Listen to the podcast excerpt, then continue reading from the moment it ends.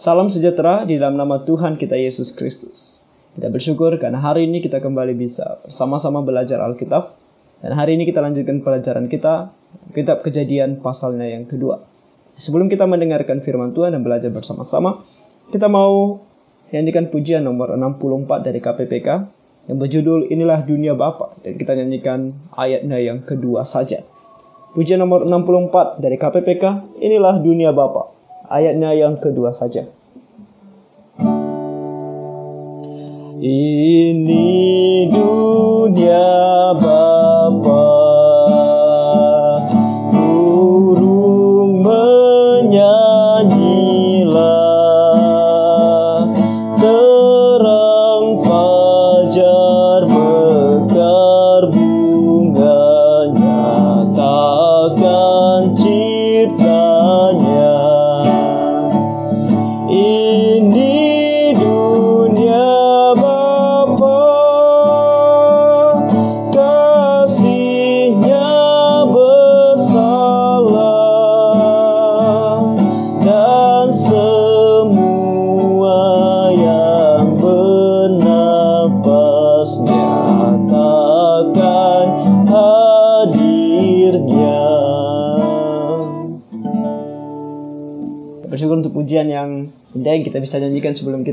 merenungkan firman Tuhan. Nah, sekarang kita akan membuka Alkitab kita. Nanti sama-sama membuka Alkitab dari kejadian pasalnya yang kedua. Kita akan membacakan ayat per ayat dan kita akan melihat dan belajar bersama-sama akan apa yang disampaikan oleh Tuhan dari kejadian pasalnya yang kedua ini. Saya akan membacakannya dan kita akan bersama-sama merenungkannya. Kejadian pasalnya yang kedua.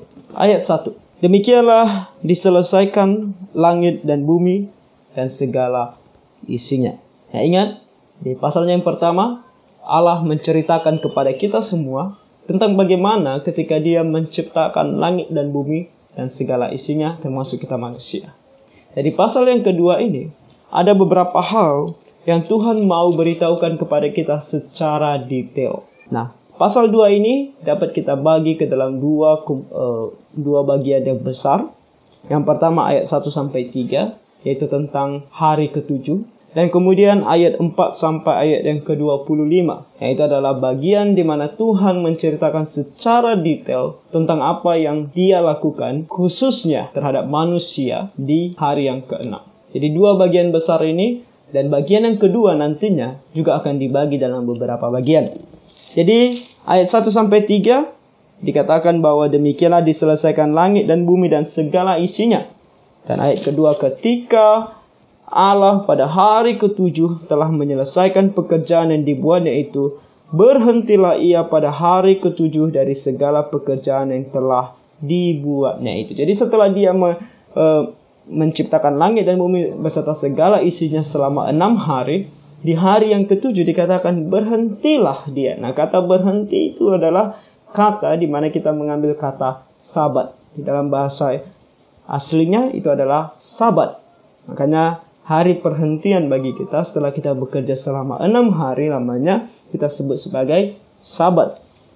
Dan kemudian dikatakan di sini bahwa di ayat 3 lalu Allah memberkati hari ketujuh itu. Nah, kata memberkati berarti mendedikasikan hari itu karena ini adalah sebuah hari kalau dia kepada makhluk itu atau kepada kita manusia pasti ada sesuatu yang Tuhan berikan sebagai berkat atau pertolongan atau apa pun itu tapi karena ini adalah sebuah hari, maka ini adalah e, hal yang menunjukkan bahwa Tuhan mendedikasikan waktu itu. Dan lebih lagi bukan hanya memberkatinya dan menguduskannya. Nah, inilah pertama kali di dalam Alkitab kata kudus atau menguduskan dituliskan. Dan kata menguduskan di sini artinya adalah itu dipisahkan atau dikhususkan. Jadi dari dari tujuh hari yang ada selama satu minggu, nah hari ketujuh, hari sabat adalah hari yang dikhususkan. Oke, jadi makanya kita ketika kita uh, memiliki sabat atau hari sabat itu adalah hari yang khusus. Makanya Tuhan bilang enam hari lamanya engkau bekerja pada hari yang ketujuh adalah hari yang khusus. Engkau harus menguduskannya. Nah, karena pada hari itulah ia berhenti dari segala pekerjaan penciptaan yang telah dibuatnya itu. Jadi Tuhan sendiri enam hari dia menciptakan segala sesuatunya dan pada hari ketujuh dia beristirahat. Nah, perlu kita tahu bahwa istirahat Tuhan bukan berarti dia pergi tidur dan dia tidak tidak mengontrol atau mengatur segala sesuatunya lagi. Dikatakan di sini berhenti dari pekerjaan penciptaannya. Itu saja. Lalu Tuhan masih tetap mengontrol, Tuhan masih tetap memelihara segala sesuatunya bahkan sampai hari ini sampai dia datang kembali nanti sampai pada akhir zaman. Kemudian itu adalah bagian pertama sekilas tentang hari Sabat yang juga nanti akan menjadi uh, ayat yang uh, diacu ketika uh, hukum Taurat diberikan tentang hari Sabat dan hukum-hukum di dalam firman Tuhan tentang mengenai hari Sabat. Nah, kita masuk pada bagian yang kedua dari pasal 2 ini ayat 4 sampai 25. Nah, ini adalah tentang detail yang diberikan oleh Tuhan tentang apa yang dia lakukan ketika atau pada hari yang keenam. Oke, okay. ini adalah bukan um, sebuah cerita lain dari penciptaan yang bisa kita uh, bandingkan dengan kejadian pasal 1 karena ada orang yang mengatakan bahwa kejadian pasal 2 itu ada cerita lainnya sehingga kita tidak bisa menentukan mana uh, kejadian yang sebenarnya antara kejadian pasal 1 atau kejadian pasal 2. Tapi kejadian pasal 2 ini adalah uh, seperti detailnya. Jadi Tuhan sudah memberitahukan kepada kita di dalam kejadian pasal 1 tentang apa yang diciptakan selama enam hari dan itu apa juga yang diciptakan pada hari yang keenam. Nah sekarang dia mau menyorot lebih detail tentang apa yang diciptakan di hari yang keenam itu. Oke. Okay? Nah ayat 4 dari Eh, kejadian pasal 2 berkata demikianlah riwayat langit dan bumi pada waktu diciptakan ketika Tuhan Allah menjadikan bumi dan dan langit. Nah, di sini untuk pertama kalinya juga Alkitab mencatat nama Tuhan dalam bahasa Indonesia yang diberikan huruf kapital semuanya. T U H A N semuanya kapital. Nah, dalam bahasa asli itu tertuju kepada Yehova atau Yahweh dan ini menunjukkan kepada kita bahwa uh, ini adalah nama khusus dari Allah, Allahnya bangsa Israel dan Allahnya orang Kristen. Karena kata Allah yang dalam bahasa asli adalah Elohim, itulah uh, bahasa yang umum dipakai oleh semua orang untuk menjelaskan atau memberikan nama atau menyebut uh, pribadi yang ada di sorga atau sang pencipta atau yang kita sebut sebagai Allah. Jadi kata Elohim adalah kata yang general atau umum dipakai. Tetapi kata Yehova, ketika orang mendengar kata Yehova atau Yahweh atau Tuhan huruf kapital semua, ini nama yang khusus yang hanya dipercaya dan dimiliki oleh orang-orang Yahudi dan juga orang-orang Kristen pada masa ini. Jadi ini menunjukkan kepada kita bahwa Sang Pencipta langit dan bumi tidak lain dan tidak bukan adalah Allahnya bangsa Israel dan Allahnya orang Kristen yaitu Yehova. Yahweh. Jadi firman Tuhan begitu jelas mengatakan kepada kita. Ayat 5. Pada masa itu belum ada semak apa pun di bumi, belum timbul tumbuh-tumbuhan apa pun di padang, sebab Tuhan Allah belum menurunkan hujan ke bumi dan belum ada orang untuk mengusahakan tanah itu. Tetapi ada kabut naik ke atas dari bumi dan membasahi seluruh permukaan bumi itu. Nah ini e, menunjukkan kepada kita kondisi e, tumbuh-tumbuhan pada masa itu ketika Adam dan Hawa belum diciptakan oleh Tuhan dan juga kita tahu kemarin kita belajar ketika eh, kita membahas tentang cakrawala, kita tahu ada air yang ada di atas dan ada air yang ada di bawah. Nah, belum ada hujan pada masa itu, tetapi yang terjadi adalah e, seperti embun yang naik dari air yang ada di bawah dan embun ini yang membasahi bumi. Oke, jadi sangat berbeda dengan kita sekarang. Tapi kalau pagi-pagi mungkin kita tahu, apalagi kita yang tinggal di daerah pegunungan, kita tahu bahwa ada embun di pagi hari membasahi bumi. Lalu bagaimana siang dan ma uh, uh, pada saat siang, nah pada masa itu siang pun ada embun yang membasahi bumi. Oke, okay? jadi tidak ada hujan, tidak ada hujan, belum ada hujan. Dan kemudian dikatakan di ayat 7 ketika itulah Tuhan Allah membentuk manusia itu dari debu tanah dan menghembuskan nafas hidup ke dalam hidungnya. Demikianlah manusia itu menjadi makhluk yang hidup. Nah, sini Tuhan menunjukkan bahwa manusia adalah ciptaannya yang paling khusus yang yang berbeda dari ciptaan lainnya. Karena di sini dikatakan bahwa Tuhan Allah membentuk manusia itu dari debu tanah. Jadi ada proses langsung oleh Tuhan, dia bentuk manusia dari debu tanah, lalu dikatakan menghembuskan nafas hidup. Nah, apa maksudnya menghembuskan nafas hidup? Nah, ini uh, sama seperti ketika dia berfirman, karena waktu dia menciptakan dunia dia berfirman, itu juga sama katanya menghembuskan dan juga ketika dia nanti mengilhami firman Tuhan, kita baca dalam 2 Timotius 3 ayat 16, Tuhan mengilhamkan firman Tuhan itu juga atau menafaskan atau menghembuskan. Jadi ini bisa dikatakan Tuhan berfirman setelah dia bentuk manusia dari debu tanah, kemudian dia berfirman sehingga manusia ini atau yang terbuat dari debu tanah ini hidup menjadi makhluk yang hidup ke dalam hidupnya demikianlah manusia itu menjadi makhluk yang hidup. Oke, sangat berbeda dengan bagaimana Tuhan menciptakan para binatang lainnya dan juga para ciptaan lainnya.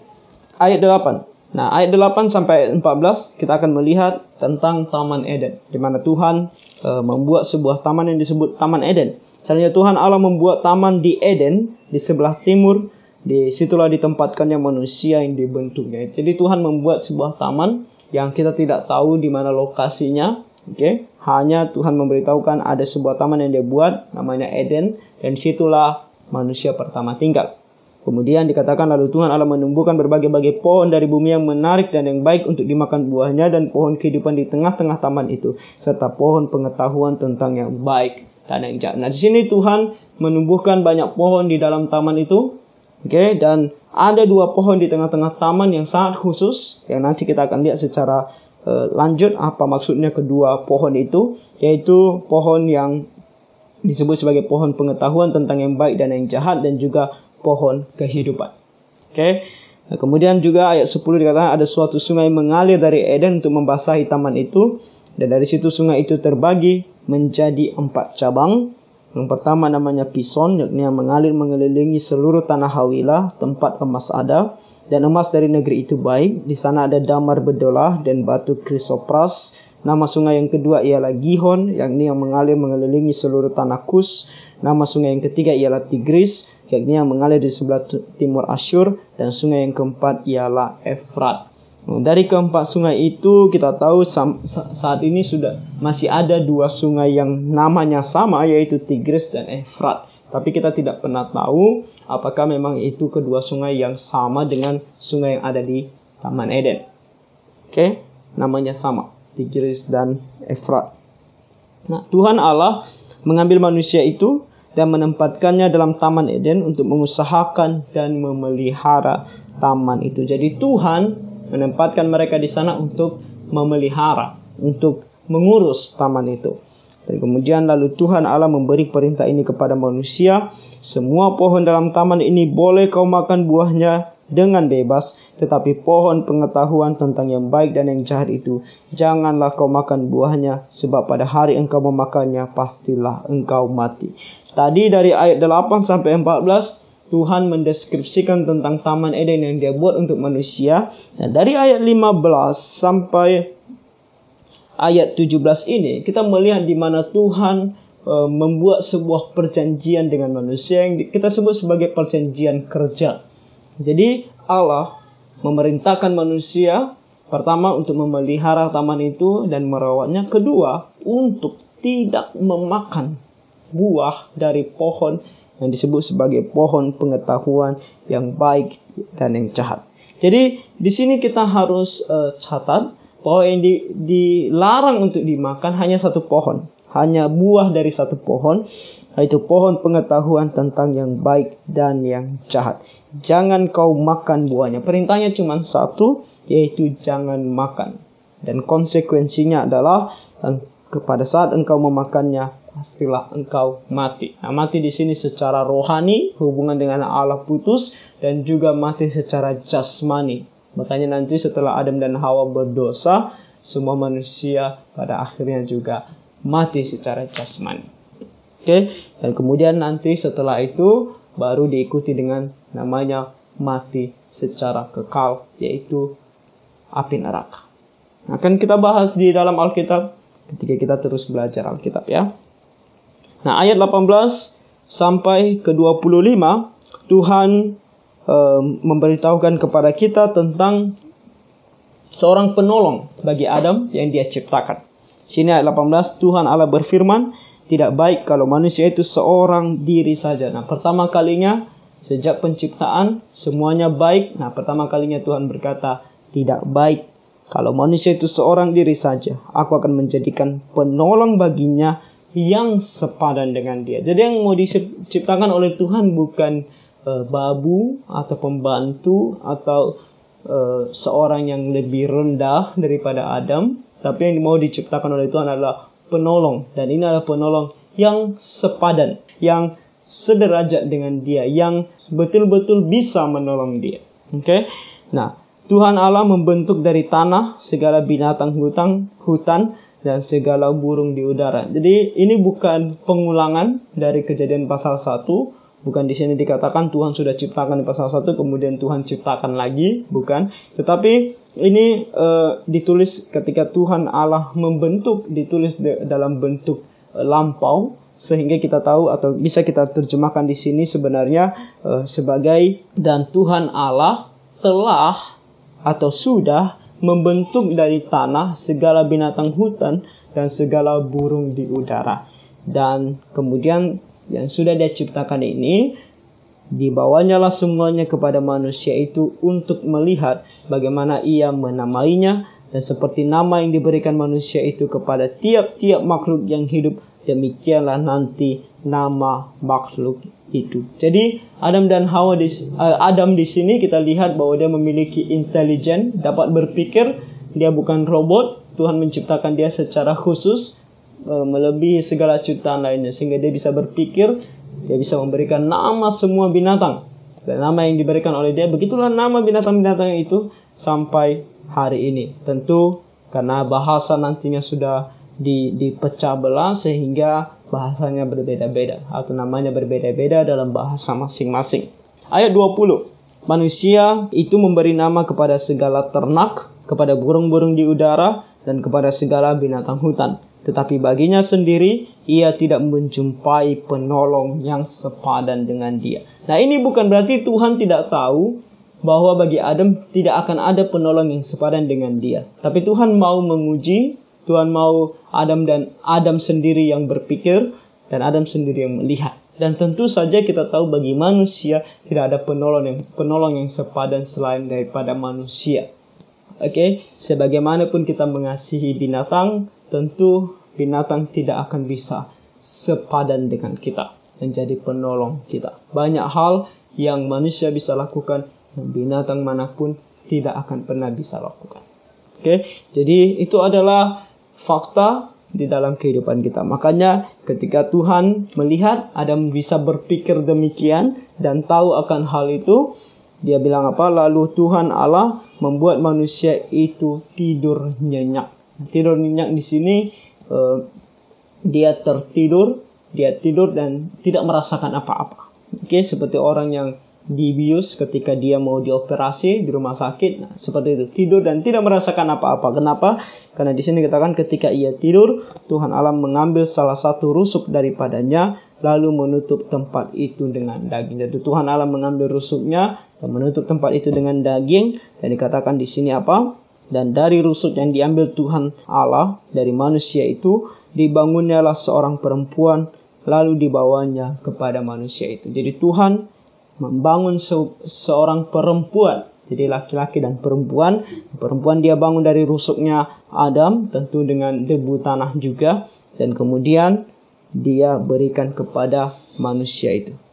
Lalu berkatalah manusia itu, inilah dia tulang dari tulangku dan daging dari dagingku. Ia akan dinamai perempuan sebab ia diambil dari laki-laki. Jadi kita melihat di sini bahwa pernikahan itu bukan hasil dari kebudayaan manusia, bukan nanti setelah manusia hidup berapa lama dia dia berpikir bahwa dia harus menikah, kemudian nanti ke manusia menikah sebagai bagian dari kebudayaan manusia, bukan, tetapi ini adalah uh, asal usul dari pernikahan itu datangnya langsung daripada Tuhan, di mana Tuhan melihat bahwa laki-laki membutuhkan seorang penolong dan dia menciptakan perempuan untuk menjadi penolong bagi dia. Nah, perlu kita catat di sini juga bahwa Tuhan menciptakan laki-laki dan perempuan dan e, menginstitusikan sebuah pernikahan kepada laki-laki dan perempuan, bukan laki-laki dengan laki-laki atau perempuan dengan perempuan atau sebaliknya atau bagaimana, tapi hanya laki-laki dengan perempuan. Jadi pernikahan yang sah di mata Tuhan adalah laki-laki dan perempuan. Lesbian, homoseksual, semuanya ini adalah dosa di hadapan Tuhan. Nanti di dalam Alkitab banyak sekali ayat Alkitab yang memberitahukan kepada kita bahwa ini adalah dosa kekejian di mata Tuhan. Jadi dari sini kita tahu bahwa Tuhan menciptakan laki-laki dan perempuan. Yang sepadan untuk menjadi penolong bagi laki-laki adalah perempuan. Nah, perlu kembali kita catat bahwa ini adalah penolong, bukan uh, seseorang yang dijadikan budak atau pembantu rumah tangga atau apa pun. Penolong. Oke, okay? jadi laki-laki catat untuk tidak uh, merendahkan istrinya jauh di bawah dirinya. Karena kita semua sama di mata Tuhan, fungsi kita yang berbeda. Laki-laki sebagai kepala rumah tangga dan perempuan sebagai penolong bagi sang kepala rumah tangga. Dan di sini ayat 24 dikatakan, sebab itu seorang laki-laki akan meninggalkan ayahnya dan ibunya dan bersatu dengan istrinya sehingga keduanya menjadi satu daging. Di sini juga kita melihat bahwa pernikahan yang benar di hadapan Tuhan adalah pernikahan yang permanen, tidak ada cerai.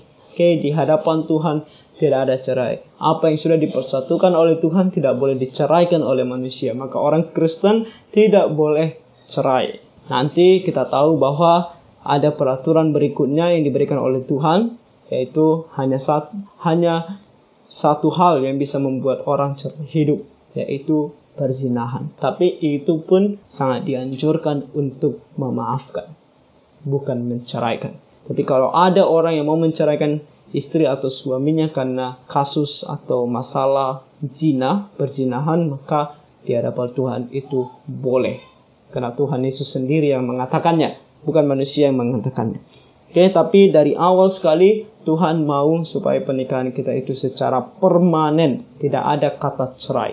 Mereka keduanya telanjang, semanusia dan istrinya itu, tetapi mereka tidak merasa malu hendak bisa kita katakan di sini bahwa pikiran manusia yang telah jatuh ke dalam dosa nantinya yang membuat manusia merasa malu atau membuat manusia merasa uh, aneh melihat orang yang tidak memakai pakaian. Tapi sebelum itu tidak berpakaian pun tidak ada pikiran yang yang aneh tentang hal itu apalagi pikiran kotor atau pikiran berdosa di hadapan Tuhan. Jadi kita di sini melihat betapa murninya manusia ketika Allah ciptakan pertama kali tanpa dosa. Pikiran mereka sendiri pun tidak ada dosa. Karena Tuhan bilang Tuhan menciptakan dan segala sesuatunya amat sangat baik.